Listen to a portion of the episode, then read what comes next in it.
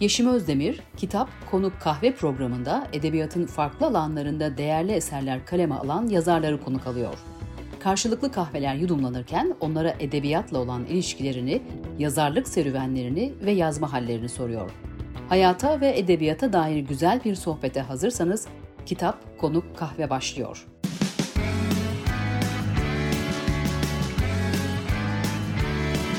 Kulağınız bizde olsun. Kısa Dalga Podcast.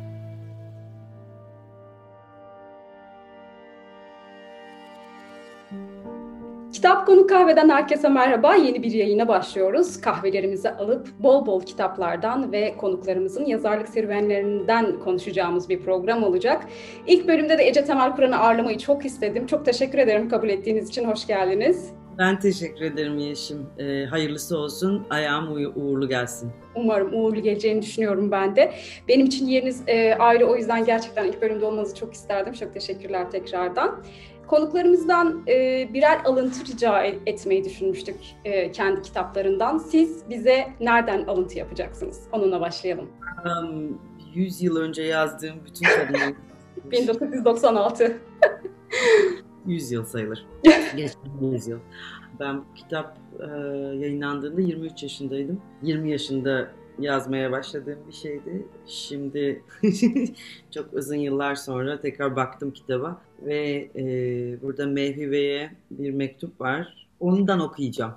Okuduktan sonra da şunu soracağım zaten. Ne hisle yazmışsınız? Şimdi aradan geçen o kadar zaman üstüne o hisler üzerine neler eklendi onu da konuşacağız zaten.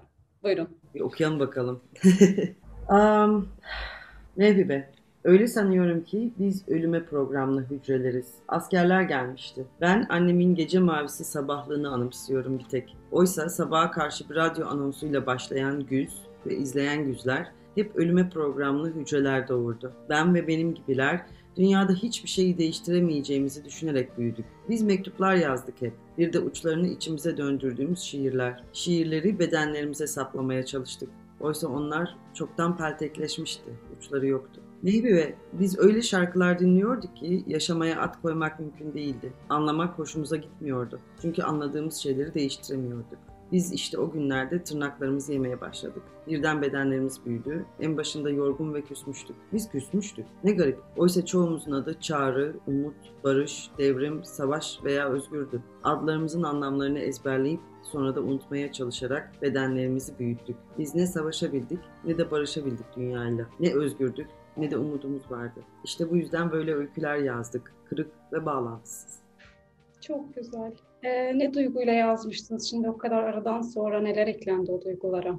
Um, 1980 darbesinden bahsediyorum tabii orada. Ee, şimdi bu kadar duygulu yazmazdım ama e, çok da yanlış değil. Evet hakikaten hepimize öyle isimler konuldu ve biz o isimlerin anlamlarını hem öğrenerek hem de unutmaya çalışarak belki de e, yaşamaya çalıştık. Şimdi tabii o insanların hepsi 40-50 yaşlarındalar. E, şimdi yazsam daha demlenmiş bir şey yazardım herhalde yaşla birlikte çünkü hem öfke hem acı hem hem you know, umutsuzluk falan filan hepsi nemleniyor. Ve ben belki de o kadar umutsuz yazmazdım. O kadar sert yazmazdım diye düşünüyorum.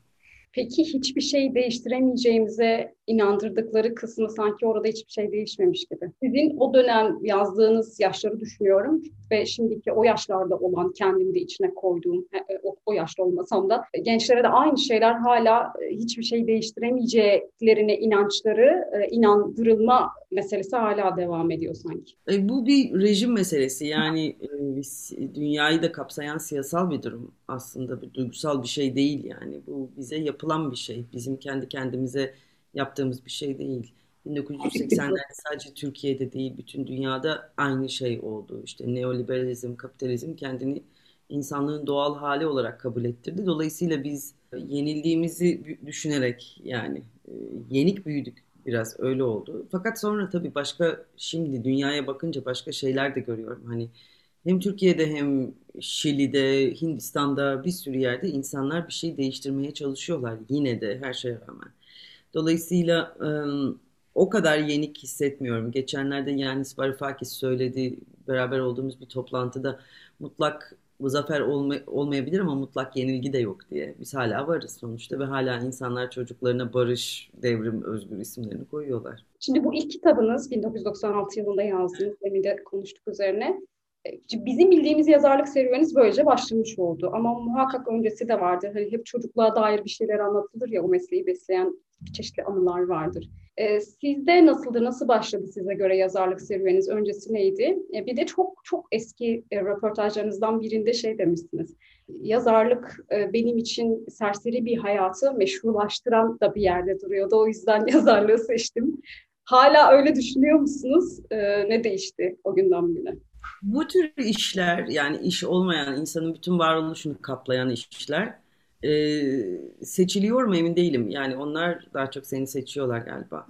E, ve yani çok şey 8 yaşından beri ben yazıyorum. Annem bana bir şiir defteri almıştı ve ben şiir defteri alınca şiir yazmam gerektiğini düşündüm.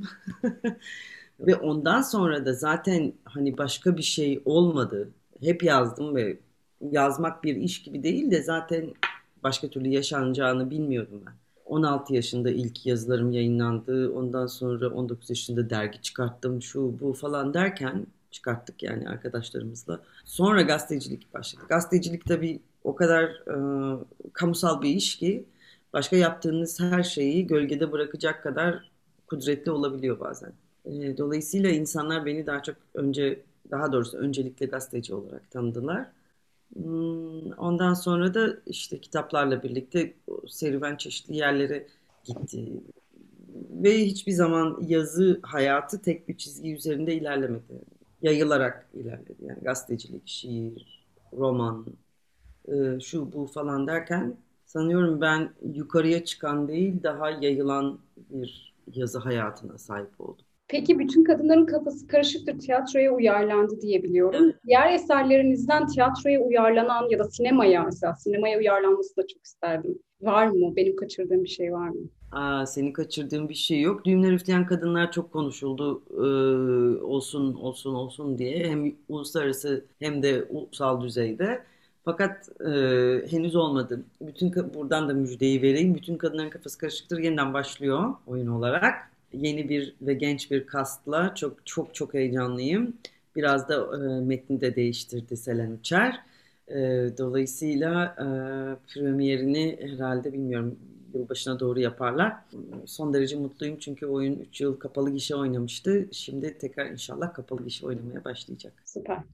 Şimdi e, ben de kitaplarınızdan çeşitli alıntılarla e, kitaplarınız üzerine konuşacağız. Dilerseniz son kitabınızla başlayalım. Together'la başlayalım. E, bir politik duygu anlatısı olarak tanımlıyorsunuz bu kitabı. Kalpsiz bir dünyaya inat hep beraber. Tabii İngilizce yazıldı. Aralık 2021'de yayına girdi. İngilizce adıyla da Together. Alt başlığı da A Manifesto Against the Hardest World bir manifesto kitabı olduğunu yani kalpsiz bir dünyaya e, karşı bir manifesto kitabı olduğunu söylüyorsunuz. Girişte e, Türkçe basım için bir mektubunuz var, memlekete bir mektup. Çok hoşuma gitti. O mektupta bu kitabın politik değişim için bir ahlaki sözleşme önerisi olduğunu söylüyorsunuz ve bu önerileri de 10 e, başlıkta e, aktarıyorsunuz. Şöyle bir cümle oldukça e, dikkate değer. Hemen şuradan okuyayım. Bu kitabı insana olan inancımı yitirmemek için yazdım. En önemli nedeni bu. Çünkü faşizm insana olan inancın tamamen ortadan kalkmasıdır. Burada inancı kaybetmemeye yönelik biraz e, temenni de görüyorum ben. Sanki şöyle hissettim okurken. Sanki şey duygusuyla yazılmış. Zaman zaman inancımı, insana olan inancımı kaybedecek gibi oluyorum ama kaybetmek de istemiyorum. Ve sanki ona tutunmak için bu kitabı yazdım. Ne dersiniz öyle mi? Öyle. Çünkü o kitaptan önce maalesef Türkçe'de henüz yayınlanmayan e, Bir Ülke Nasıl Kaybedilir diye bir kitap yazmıştım hep beraberden önce. Ve dünyadaki yükselen faşizmi anlattım. Türkiye örneğini de kullanarak ama diğer ülkelerden de örnekler göstererek. E, kitabı yazdıktan sonra tabii kitap hakkında konuşuyorsunuz ve o kitap 12 dilde yayınlandı. Dolayısıyla 12 ülkede ben o kitapla ilgili konuştum. İki yıl boyunca faşizmden bahsedince insanın inan, insana olan inancı biraz e, sarsılıyor tabii ki. Çünkü bir de şeyi görüyorsunuz. Benim için ve benim gibi insanlar için çok görünür olan bir tehlikeyi hmm, ya da bir gerçekliği e, insanların nasıl görmemeyi seçtiğini görüyorsunuz. Onu görmek yani körlüğü değil ama görmemeyi seç geçmeyi fark etmek e, insana olan inancı biraz sarsıyor. Ve kendi kendimi de birazcık iyileştirmek istedim. Çünkü insana olan inancımız sarsılırsa geriye hiçbir şey kalmaz. Niye yapalım ki o zaman? Niye yaşayalım ki? Ee, insana olan inancı kaybetmek, kendine olan inancı da kaybetmek. Dolayısıyla hem felsefi hem siyasi hem de ahlaki olarak tedavi tedavi amaçlı yazdım hep beraber. E, alt başlığını da o yüzden öyle koydum yani. Hep beraber kalpsiz bir dünyaya inandık. Hep beraber olmak e, başlı başına zaten politik bir e, çağrı. Çünkü biz çok kutuplaştırıcı, çok düşmanlaştırıcı bir dilin içinde yaşıyoruz. Sadece Türkiye için söylemiyorum, bütün dünya için söylüyorum bunu. O dile karşı da bir e, sözleşme, yeni bir toplumsal sözleşme, e, toplumsal dönüşüm sözleşmesi hazırlamak için yazdım. Umarım Türkiye çok yakın zamanda böyle bir sözleşmenin altına imza atarak, yeniden var olmaya karar verir ve hep beraber tekrar olabiliriz. Ben başka bir alıntıyla devam edeceğim yine Together'dan. Bu arada hep beraber bitişik yazılıyor ama aslında Türkçe kurala göre bitişik yazmıyor. Bu da bir tercih. Evet onu e, estetik bir tercih yaptım ben. Yani hep beraber yazarken beraber bir araya getirmek istedim sözcükleri. Öyle bir e, bilinçli hata yaptım. Hata değil de bilinçli bir şey yaptım. Bilinçli bir tercih çok güzel olmuş. Bir festivaldesiniz Edinburgh Festivali'nde ve orada gelen dinleyicilerle konuşuyorsunuz. Şöyle bir şey söylüyorsunuz bu dinleyicinize. Aslına bakarsanız tüm dünya un ufak oluyor ve umut aramaktan daha fazlasını yapabiliriz. Ayrıca umut yoksa ne olacak? Yere yatıp kaderimizi kabullenecek miyiz? Ya da daha tehlikeli bir soru, ya umut varsa bunun gereğini yapmaya hazır mıyız? Bunun üzerine şöyle bir şey söylemek istiyorum. Sonra sözü size bırakacağım. Umut üzerine çok fazla konuşuluyor. Diğer konuklarımızla da konuştuğumuz konularda hep konu dönüp dönüp dolaşıp oraya geliyor. Ben şöyle hissediyorum. Artık umut aramak değil de derdimiz ya da umut aramıyoruz da biz her defasında işlemeyen e, geçmiş yöntemleri deneye deneye tıpkı bir e, kuşun bir çıkışı arar gibi acemice cama çarpması gibi her defasında o eski yöntemleri çarpa çarpa bir çıkış yolu bulamıyoruz. Yol ve yöntem konusunda çok acemiyiz gibi hissediyorum. Umutun bu kadar, umut sözcüğünden bu kadar bahsedilmesi, herkesin hep birlikte birbirine umut var mı, umut ver, umut vermedi falan filan gibi şeyler e, bana birazcık bu sistemin de bir numarası gibi geliyor. Çünkü biz dünyacak öyle bir noktadayız ki buradan ancak bu sistemi e, adlı adınca söylersek kapitalizmi yeniden gözden geçirerek ve değiştirerek çıkabiliriz. Umut sözcüğü ise kapitalizmin bize sunduğu bir sanki oyalanma aracı gibi geliyor bana. Çünkü Avrupa'da herhangi bir e, caddeye çıkın, dükkanların olduğu bir caddeye. Şöyle reklamlar görürsünüz. İşte bu tişörtü al, dünyaya umut ol. Bu, bunu al, bilmem ne falan filan.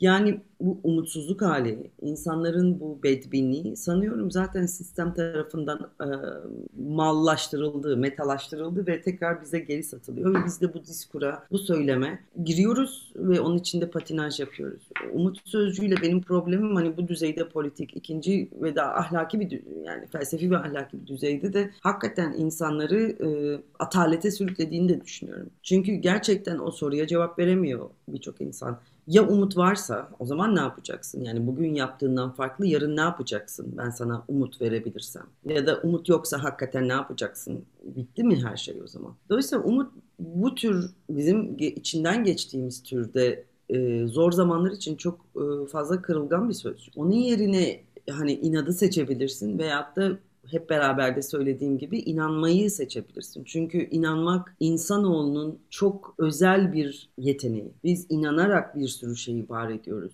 Gerçek bile biz ona inandığımız için gerçek olabiliyor. Dolayısıyla inanmak denen yeteneğimizi politikada kullanırsak ki bu daha önce hiç yaşanmamış bir şey değil. Ee, ama bugün bu inanç yoksunluğu içinde tekrar bu inancı canlandıracak bir şey yapabilirsek, e, meselelere buradan bakabilirsek sanıyorum umut var mı yok mu sorusuna çok gerek kalmaz. Bir de yani bu işin sağlamasını yapmak için, bu argümanın sağlamasını yapmak için belki de 1970'lere 60'lara bakmak gerekiyor. Acaba Paris'teki 1968'deki gençler umut var mı yok mu diye konuşuyorlar mıydı? Veyahut da Vietnam'da Amerikalı askerlere dinlenen Vietnamlılar umut var mı yok mu diye mi konuşuyorlar? Ya da Arjantin'de Allen'de darbeye karşı direnirken umut var diye mi son dakikaya kadar direndi? Dolayısıyla umut biraz bizim yenilgimizin markası olmaya başladı diye düşünüyorum.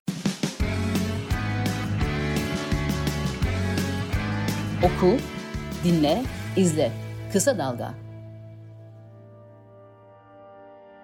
Buradan şeye devam edelim. How to Lose a Country kitabınızda da bir ülke nasıl kaybedilir Türkçesiyle kitabınızda da zaten bunlara da çok değiniyorsunuz ve sağ popülist rejimlerin duygu terörizmini çok iyi e, kullanabildiğini. E, bu duygu terörizmi üzerine isterseniz biraz konuşalım. Oradan da işte diğer kitabımıza geçmiş olur. Yani dünyada da benimle birlikte birkaç yazar daha bu konu üzerine yazıyor, çiziyor. Bu duygu politikası meselesi üzerine. Çünkü birçok e, entelektüel şöyle düşünüyor. Eğer demokratik mekanizmaları düzeltirsek, e, daha katılımcı bir demokrasi e, bulabilirsek, ekonomiyi biraz düzeltebilirsek e, işler eskisi gibi normale dönecek. Ben buna inanmıyorum ve e, bizim yaşadığımız demokrasi krizinin e, kapitalizmin kriziyle çok iç içe olduğunu bu krizler e, esnasında birçok kriz aynı anda yaşanıyor. İşte iklim krizi de yaşanıyor. Şu bu. Bu krizler sırasında insanlar korkuyorlar. Şimdi demokrasiyi isteyen insanların bu duyguyu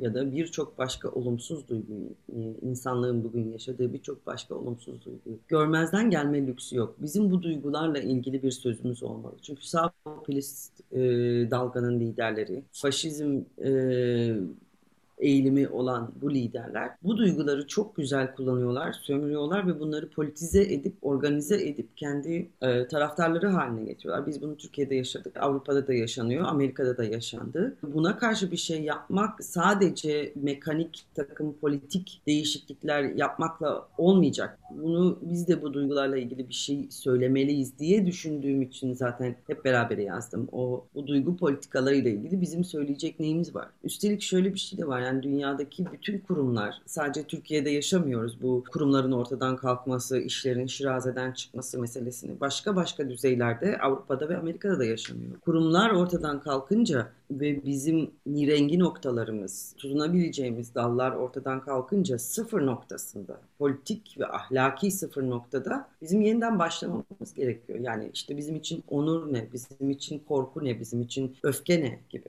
O yüzden hep beraberin başlıkları öyle, öfke, korku, sevgi, şu bu falan. Öyle bir ım, sıfır noktasındayız ki bence bu duyguları, bu temel değerleri bizim yeniden ilerici bir bakışla tanımlamamız ve insanların da tabii buna sahip çıkması gerekiyor. Eğer bu korkunç gayya kuyusundan çıkmak istiyorsak.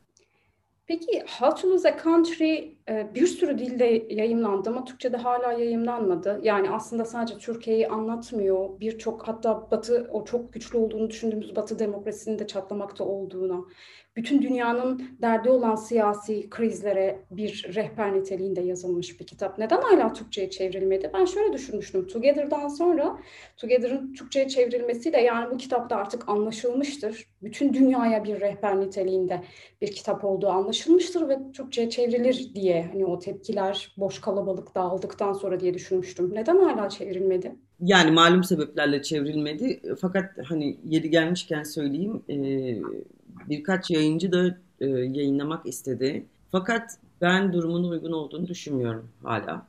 Birincisi.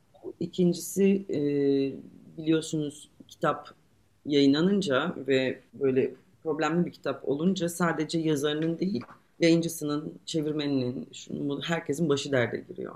Gerek olmadığını düşündüm. E, çünkü zamanı gelir. Ben sabırlı biriyim. Beklerim yani. Henüz zamanı gelmedi diyorsunuz. Evet. Ben şimdi bu konuştuğumuza uygun olduğunu düşündüğüm için tekrar Together'a dönüyorum. Orada şöyle bir onur ve gururu karşılaştırdığınız bir başlık vardı. Onur ve gurur anlam açısından birbirine karıştırılacak kadar yakın görünüyor. Ancak çok önemli bir fark var. Gurur kitleleri biz ve onlar şeklinde bölerken onur kimseyi dışlamadan bir bize işaret eder. Onurun anlamının doğasında bu birlik vardır. Onur herhangi bir dış değerlendirme gerektirmeyen kendilik değerleriyle ilgiliyken gurur başkalarının bize bahşettiği değerle bağlantılıdır. Bunun üzerine biraz konuşalım sonra diğer kitaplarınıza geçeyim.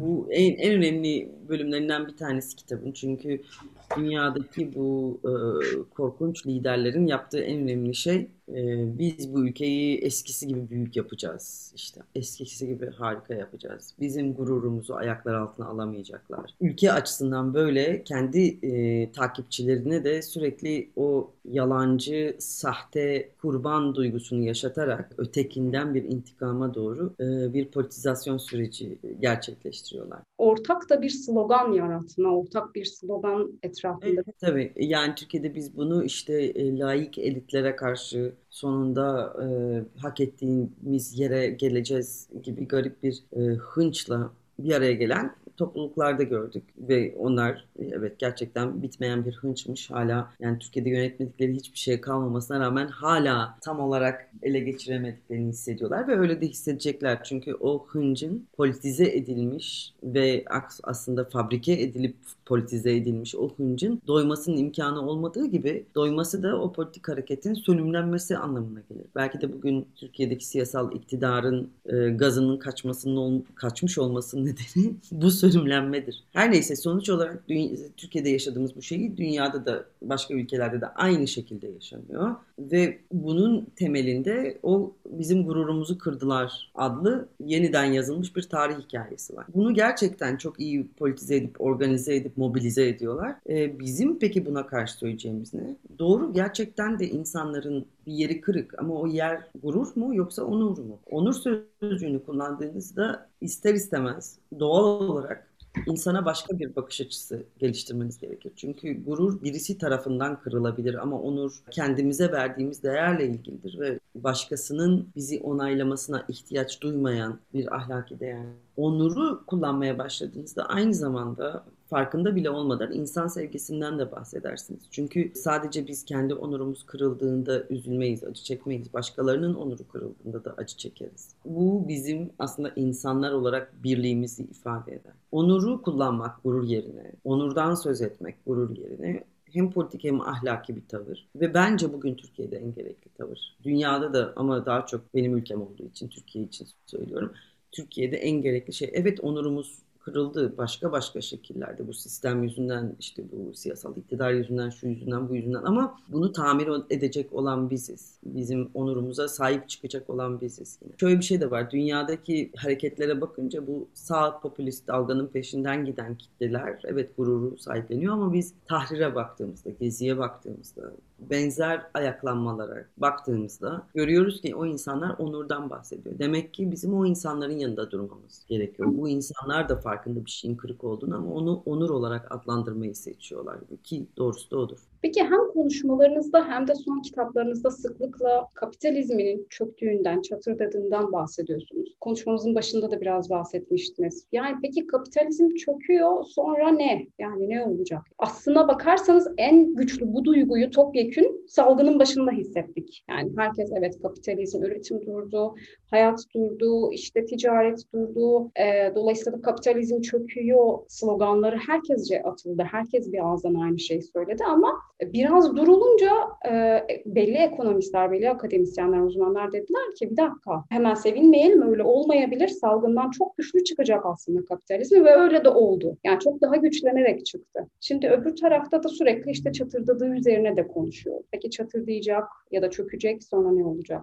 Bu sistem neoliberalizm diyelim biz buna. Neoliberalizm bizi 19, özellikle 1970'lerin sonundan beri kendinden sonra hayat olmadığına inandırdı. Bir kere bu mentalitenin ben pandemide birazcık çatırdadığını düşünüyorum. Çünkü gördük yaşanabiliyor hala. Fakat o çatırdama meselesi biz tabii ki koca bir sistemden bahsediyoruz. Öyle çatırdadığı yarında yıkılır falan.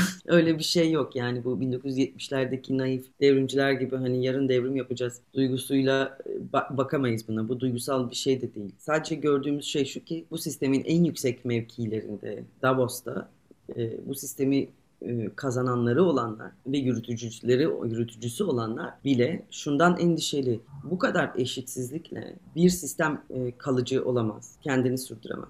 Çatırdaması öyle bir şey. Yoksa çatırda da hep beraber e, başka bir sisteme geçeceğiz. Tabii ki öyle bir şey çok zor. Yani çok kan, çok ölüm, çok bir sürü şey demek. Dünyadaki tartışmada iki ana hat var şimdi. Bir tanesi işte her şey yıkılsın, yenisi yapılsın, yepyeni bir sistem kurulsun. Bir tanesi de kapitalizm kendi içinde bunu halledebilir. Onu birazcık daha dizginleyerek bu işten çıkabilir. Bunu göreceğiz önümüzdeki 10 yıllarda göreceğiz. Ee, iklim kriziyle birlikte bu tartışmalar hızlanacaktır tabii. Evet çatır diyor olmasa biz şimdi e, onuruyla yaşayan orta sınıf insanlar olurduk. Ama ne sen ne ben öyle değiliz. Çünkü bize artık izin yok. Bu sistem o kadar çaresizleşti ki sadece zen- çok zenginlere ve çok fakirlere yer var. Sürdürülebilir bir şey değil.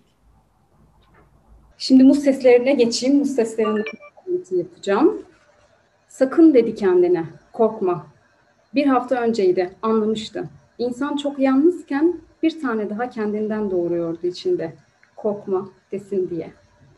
Ya koskoca bir kitap kadar o kadar yoğun bir cümle ki çok hoşuma gitmişti. Çok uzun zaman oldu bunu okuyalı ama bu kitapla ilgili aklımda en çok bu cümle kalmış. Bunu seninle biraz konuşalım mı?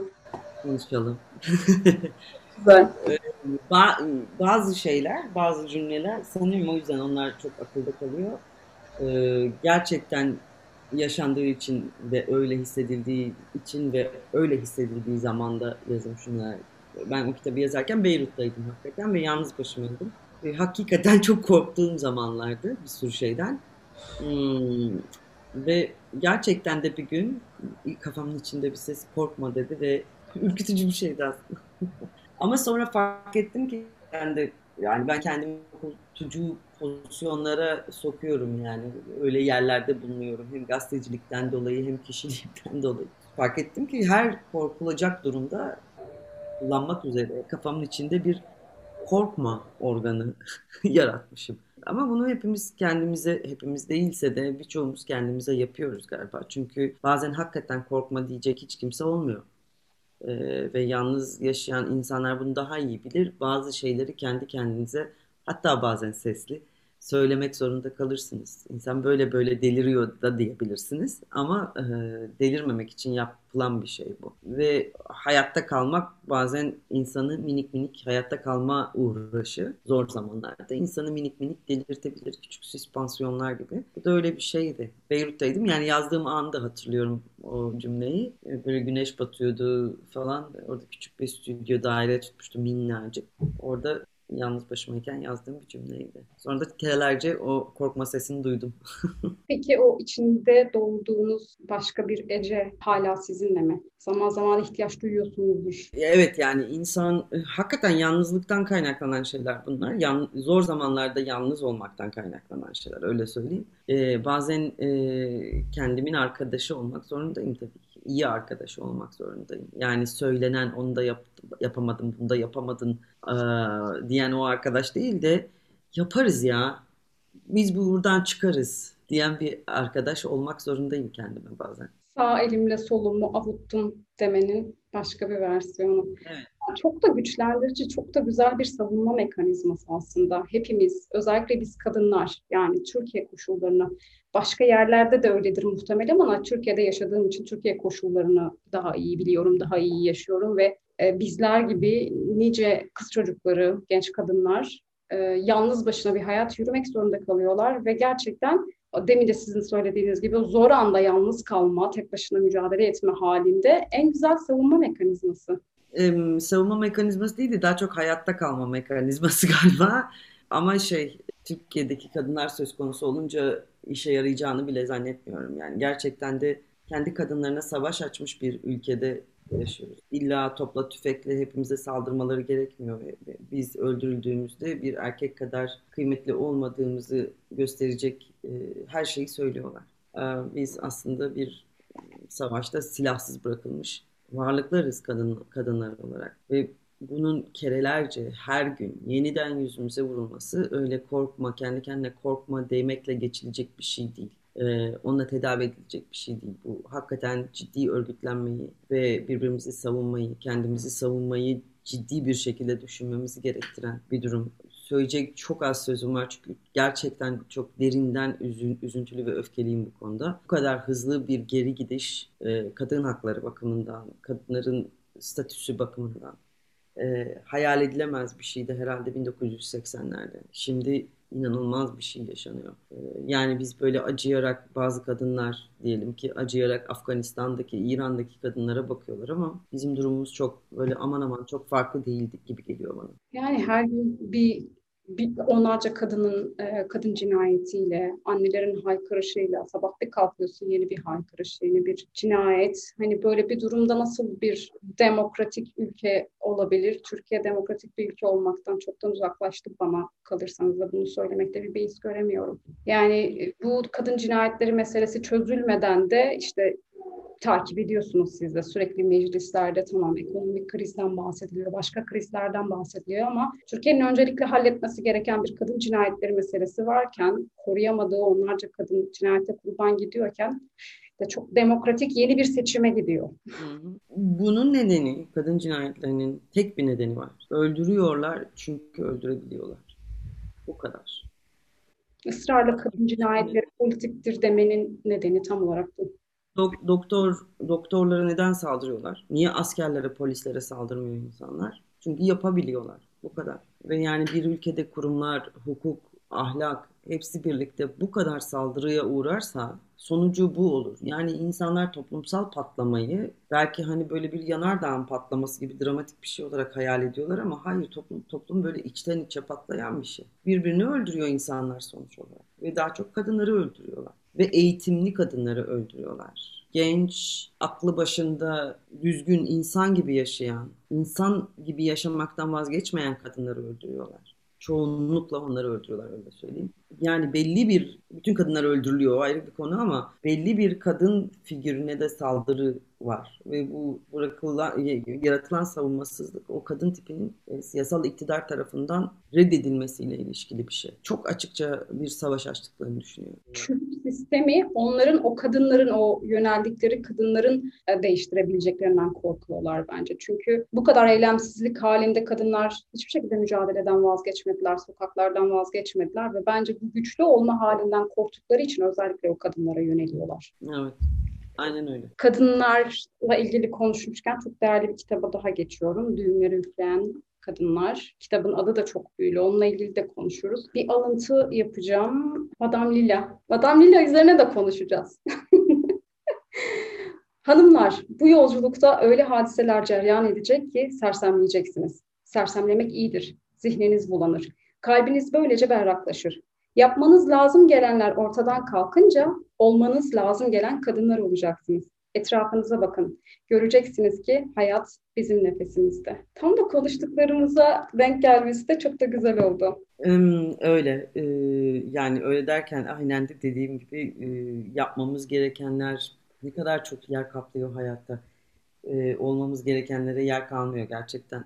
Madame Lilla benim kendime böyle bir kendime değil de nasıl diyeyim e, bir anne figürü yaratmak istedim. Bir böyle bilge kadın, anne, yol gösterici. Ee, sanıyorum o kitabın bu kadar çok okunması ve sevilmesi çok teşekkür ediyorum, minnettarım bunun için. Nedeni e, birçoğumuzun aslında böyle bir figüre ihtiyacının olması. Bize güç veren ve bize yaşa bizim yaşamamıza izin veren bir kadın figürü. Bizi yapmamız gerekenlerle boğmaktan ziyade olmamız gerekenleri olabilecek gücümüz olduğunu bize söyleyen, bu konuda bizi cesaretlendiren bir anne figürü. Bence birçok kadının, özellikle birçok genç kadının, e, özellikle Türkiye'de böyle bir figüre çok ihtiyacı var. Ve ne yazık ki ya çok karamsar bir yerden bakıyor olabilirim ama çoğunlukla gördüğüm kadarıyla hiçbir anne böyle bir öğüt aslında en çok lazım gelen böyle bir öğüt hiç kız çocuklarına vermiyor. Olsun biz de o anneleri yaratırız. Madame Lille'yi yarattığımız gibi. Madame Lila'nın e, ben sizi biraz da sosyal medyadan takip ettiğim için mi olsa gerek hani biraz daha özel hayatınıza dair bir şeyler takip edip bildiğim için. Kendi annenizin de hani Madame Lila karakterini kendi annemizle de örtüştürdüm. Yani yanılıyor muyum yoksa bu sadece benim kendi... O birçok kadının birleşimi. Ee, annemde var içinde. Ee, Demet Börtücen'e benim ikinci annem gibiydi. Böyle yol göstericilerimden bir tanesiydi. O da var. Ama çok gençliğimden beri yani ben gazeteciliğe 19 yaşında başladım. 19 yaşından beri ben çok fazla kadınla konuştum ve hep kadınlarla konuşmak istedim. Röportaj çok yaptım. Özellikle özel kadınlarla yani işte tanıdığımız bildiğimiz kadınlarla. Ve onlara hep yaşlanmak ne, hayat ne, siz nasıl yaşadınız falan böyle bir, e, derin ve özel sorular sordum. Şimdi anlıyorum ki yani o bütün o röportajlar aslında Madame Lilla'yı yaratmak içinmiş. Çünkü bana da gerekliydi öyle benden de güçlü bir anne. İçinde artık benim sayısını unuttuğum çok fazla kadın var Madame Lilla'nın ama iyi ki de öyle. Çünkü dediğim gibi yani benim de ihtiyacım vardı. O, ve şimdi hala kadınların böyle bir figüre, böyle bir kuzeye ihtiyacı var, bir yöne ihtiyacı var. Çünkü hepimizin içinde olmamız gerekenleri olabileceğimiz ve yapmamız gerekenleri e, reddetmemize yarayacak güç var aslında. Sadece korkularımız o kadar e, baskın ki ve bize o kadar çok korku verdiler ki, öğrettiler ki olmamız gerekenleri e, olmaktan haldır haldır kaçıyoruz çoğu zaman ve hayatımızın büyük bölümünde böyle geçiyor. Bu kitapta alıntılar çok fazla var aslında. E, vakit nedeniyle o kadarına şey yapamayacağım ama bir kez daha bizi izleyenlere söylemiş olayım. Kesinlikle her kadının okuması gereken bir kitap. Yani erkeklere söylemek, bilmiyorum isterlerse onlar da okusunlar ama çok ilgileneceklerini sanmıyorum. Ee, her kadının kesinlikle okuması gereken e, bir kitap ve gerçekten Madame Lila dev bir karakter hani o herkesin bir anne yaratması e, meselesine de çok denk gelen, çok güzel öğütler veren, güçlendiren bir karakter. Böyle söylüyorsun ama hem Türkiye'de hem yurt dışında bu kitap da çeşitli dillerde yayınlandı. Bu kitapla ilgili eleştiri ve güzel eleştiri yazılarını yazanların hepsi hemen hemen erkekti düşününce. Ne, ne güzel. Evet. Çünkü ben o konuda çok hayal kırıklığı yaşıyorum. Ee, erkek izleyicilerimiz varsa onlara da bir eleştiri olarak tekrar buradan söylemiş olayım çok alalade bir şekilde işte kadın yazarlara karşı e, yani tabii ki sistemin de beslediği bir dil zaten ve çok aklı başında bilinçli bir bireyin, bir erkeğin bunu yapmayacağını düşünüyorum ama en entelektüel, en farklı bir yerden bakan bir erkekte bile bir kadını dinlemeye tahammülsüzlük, bir kadının doğru şeyleri söyleyebileceği, ya öyle diyorsun ama falan hemen bir aması hemen hazır, bir dinlemeye bir tahammülü yok. En entelektüelimiz, en farklı bakan, en kadınların, kadınlar meselesine hak odaklı bakan erkeklerde bile bunu seziniyorum açıkçası. 3000 yıldır onlar hikaye anlatıyorlar ve biz dinliyoruz ve e, ilginç bulmuş gibi yapmayı çok iyi öğrendiğimiz için hakikaten kendilerini ilginç zannediyorlar. Ee, ve bir kadını başka hiçbir şey beklemeden ilginç bulmak e, bir erkek için gerçekten devrimci bir hareket. Bu devrimciliği hepsine öneririm. Ee, evet öyle bir şey var. Kadınların hikayesini, hayat tecrübelerini, hayatta gördükleri şeyi merak etmezler ve kadınların kadınlar için hikaye yazdığını düşünürler genellikle. Ama işte evet 3000 yıllık bir alışkanlığı kırmak kolay değil. Enteresan olan şu, kadınların yazdığı, dünyada ve Türkiye'de de bu böyle diyebiliyorum. Kadınların yazdığı kitaplar daha çok okunuyor. Ee, buradan gelen bir ekonomik güç de var. Endüstrinin kadın yazarlara verdiği bir güç de var. O gücü iyi kullanmak gerektiğini düşünüyorum. Ee, biz kadınlar sadece kadınlar için yazmıyorlar. Kadınlar kadınların hayatı nasıl gördüğünü anlatmak için yazıyorlar. Dolayısıyla erkekler tarafından okunmasında büyük faydalar görüyorum. Ayrıca sanıyorum düğümleri, evet düğümleri üfleyen kadınlardaydı. Yani ha yok bu seslerindeydi. Bize kadınları nasıl seveceğimizi anlatan bir kitap lazım diye. Onu da öğrenmek isterlerse okuyabilirler romanları. Sadece benimkileri değil tüm kadınları. Aslında hayır. Şeye e, yazılan, Amira'ya yazılan mektupta sanki söyleniyordu. Amira'nın yani evet. evet evet düğümleri üfleyen kadınlarda. Ben de karıştırıyorum. Evet. o aşk mektubunda e, yazılan bir şeydi. Bize öyle bir rehber lazım diye. Evet, doğru, doğru. Şimdi yine düğümleri üfleyen kadınlardan bir alıntıyla bitireyim. Bu da aslında hani öğütlerden biri kadınlara. Madame Lila'dan gelmiyor, başka birinden geliyor, başka bir karakterden şöyle başlıyor. Boş koltuklar alacaksınız, kağıt üzerinde çizerek de yapabilirsiniz. İçinizdeki kadınları sıralayacaksınız, koltuklara oturtacaksınız. Amira için dansöz kadın, yazan kadın, çocuk kadın, Meryem için erkek kadın, kadın erkek vesaire. Sonra da bunların birbiriyle konuşmasını ve bir anlaşmaya varmalarını sağlayacaksınız. İçinizdeki bütün kadınların hayata, yaşamaya doyması gerek. Yoksa mutsuz olursunuz. Yine bu şeyle de bağlantılı. Demin bahsettiğimiz o kafamızda yarattığımız kadınlar ve aslında o e, her defasında ne kadar yeni bir kadın yaratmaya ihtiyaç duydukça o kadınların çoğalması haline de denk geliyor sanki. Evet, e, biz e, multifonksiyonel varlıklarız. Öyle olmak zorunda bırakılıyoruz. Çünkü atfedilen e, görevlerle de belki. Tabii fonksiyon olduğumuz için, insan olmadığımız için her bulunduğumuz yere göre fa- farklı bir fonksiyon e, yaşamamız gerekiyor. İşte iş yerinde abla, kardeş, anne, e, evde şu, bu, burada bu. Yani bir tür şey gibi böyle şey süpürgeler var ya her işi yapan süpürgeler. Onlar gibi. E, bu tabii yani bizim insan olarak kabul edilmememizle de alakalı bir şey. Hala öyle. Bir yandan da bunun kadın olmakla da iyi bir ilgisi de var. O da şöyle. Bizim içimizde de gerçekten çok fazla karakter var. Bütün kadınların kafası sadece karışık değil aynı zamanda kalabalık bence. Ve biz kalabalık varlıklarız. Bu harika bir şey bana sorarsan. Çok ilginç bir şey. Bazı erkekler için kafa karıştırıcı olabilir ama ilginç bir şey kafası çalışan insanlar için. Ama şöyle bir şey var.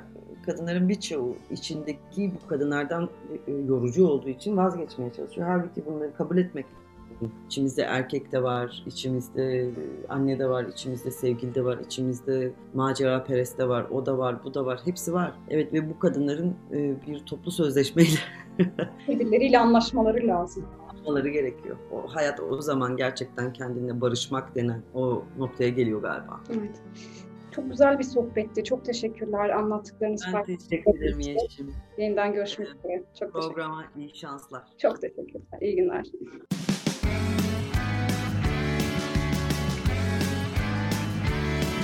Kulağınız bizde olsun. Kısa Dalga Podcast.